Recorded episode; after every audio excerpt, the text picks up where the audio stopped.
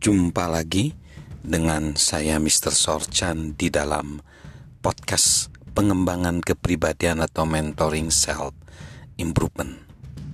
Saat ini kita belajar tentang prinsip pertukaran di mana kita harus melepaskan supaya kita dapat terus bertumbuh. Dan saat ini kita belajar pertukaran-pertukaran apa saja yang layak dilakukan. Di dalam kehidupan ini, kita harus melakukan beberapa pertukaran.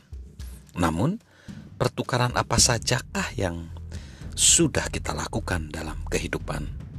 Udahkah kita merenungkannya?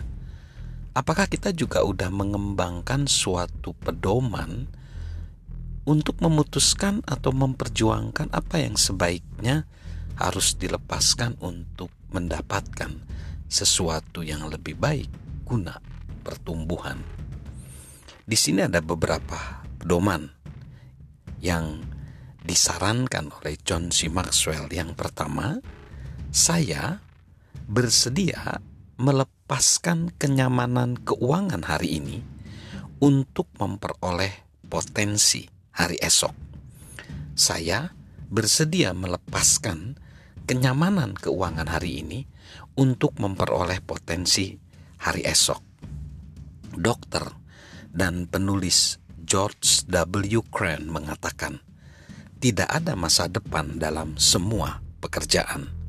Masa depan terletak pada manusia yang memegang pekerjaan tersebut. Tidak ada masa depan dalam semua pekerjaan. Masa depan terletak pada manusia yang memegang pekerjaan tersebut. John C. Maxwell selalu yakin tentang kebenaran dari pernyataan ini dan hasilnya dia selalu bersedia bertaruh pada dirinya sendiri. Sedemikian rupa sehingga dia sering menerima resiko keuangan atau pemotongan gaji demi mengejar apa yang dia percayai sebagai suatu kesempatan yang bagus.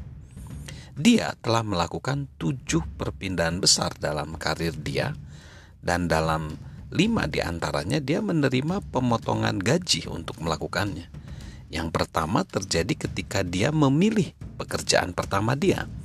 Setelah lulus kuliah, dua buah lembaga melayangkan undangan kepada dia untuk datang dan memimpin lembaga tersebut.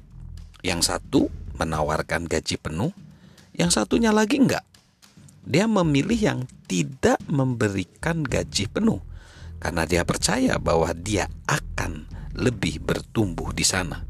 Dan juga tentunya karena Margaret istrinya bersedia bekerja untuk membantu menyokong keuangan mereka. Terima kasih kepada istri. Posisi kedua yang dia pegang di gereja yang lebih besar mendatangkan peningkatan keuangan itu terjadi pada 1972. Dan dalam semua perpindahan karir yang John lakukan sejak itu, hanya satu doang yang menawarkan pertambahan keuangan dan itu terjadi pada tahun 2010. Sahabat Mr. Sorchan, mengapa John selalu bersedia menerima pemotongan gaji saat dia berpindah kerja? Karena dia lebih menghargai kesempatan dibanding kenyamanan. Dan dia tahu bahwa dia akan bekerja keras sehingga sanggup memperoleh kecakapan untuk menghasilkan lebih banyak uang dalam jangka panjang. Seperti yang dikatakan oleh Kevin Turner, COO dari Microsoft. Dia bilang begini, satu-satunya kenyamanan pekerjaan yang kita miliki adalah komitmen kita sendiri untuk meraih pengembangan pribadi.